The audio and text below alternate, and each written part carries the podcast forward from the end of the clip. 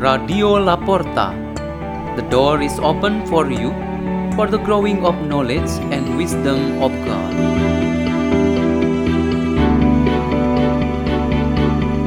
Delivered by Father Peter Tukan SDB from Salesian Don Bosco, Labuan Bajo Diocese of Ruteng, Indonesia.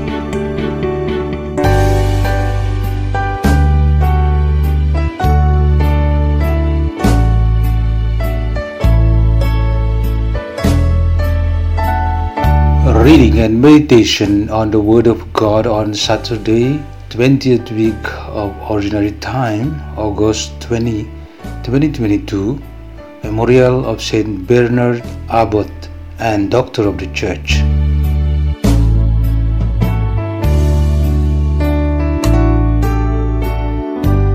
From the Holy Gospel according to Matthew, chapter 23, verses 1 to 12.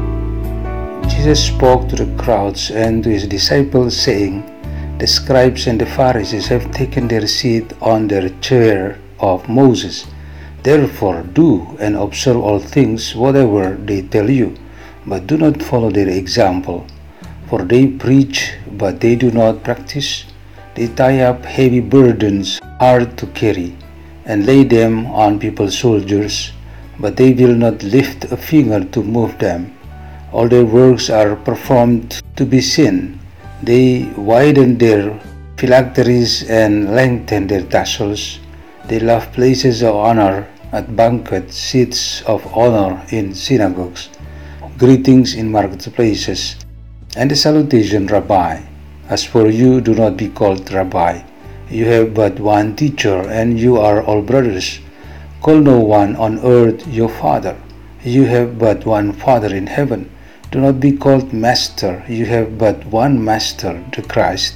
The greatest among you must be your servant.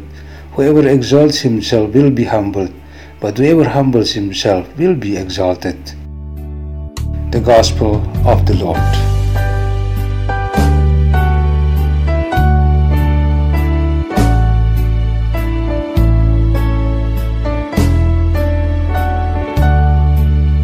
The theme for our meditation today is Stay with your Savior. Who among us does not want to be appreciated, not helped, and not accepted as a fellow human being? Obviously, none. Everyone wants his life himself supported and his work appreciated. On the other hand, he does not want to be considered criminal, destroyer, sinner, or trash and a disease of society. When in trouble and in need of help, it is not rejection or humiliation that we want, but understanding, appreciation, acceptance, and help. Saint Bernard is an example for us in unity, living with the Lord our Savior and truly experiencing His immense love. He was a monk, a religious, and a spiritual teacher who taught us about the intimate relationship of the human heart and mind with God, our Savior. A deep and intimate spiritual experience with God can be the right solution for humans who are in life's difficulties. The Lord Jesus sees what we are, that we are sinners and experience various difficulties in life. We clearly need His mercy we are taught by Jesus not to pretend, but to be transparent, honest, or sincere.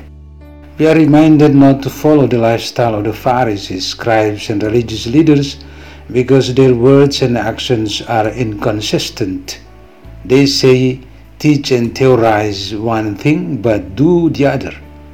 Their own lives become the judge that determines that they are against Jesus Christ.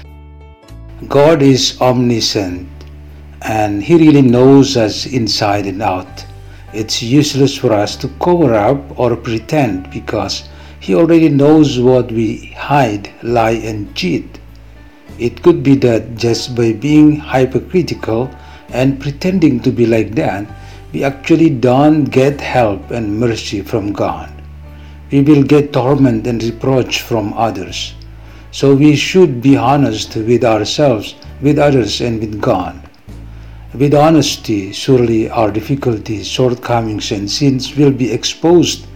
Then the merciful and gracious God will say to us, Stay with me, for you will find salvation. Something beautiful and great will happen to you if you will stay with me. Saint Bernard really experienced this.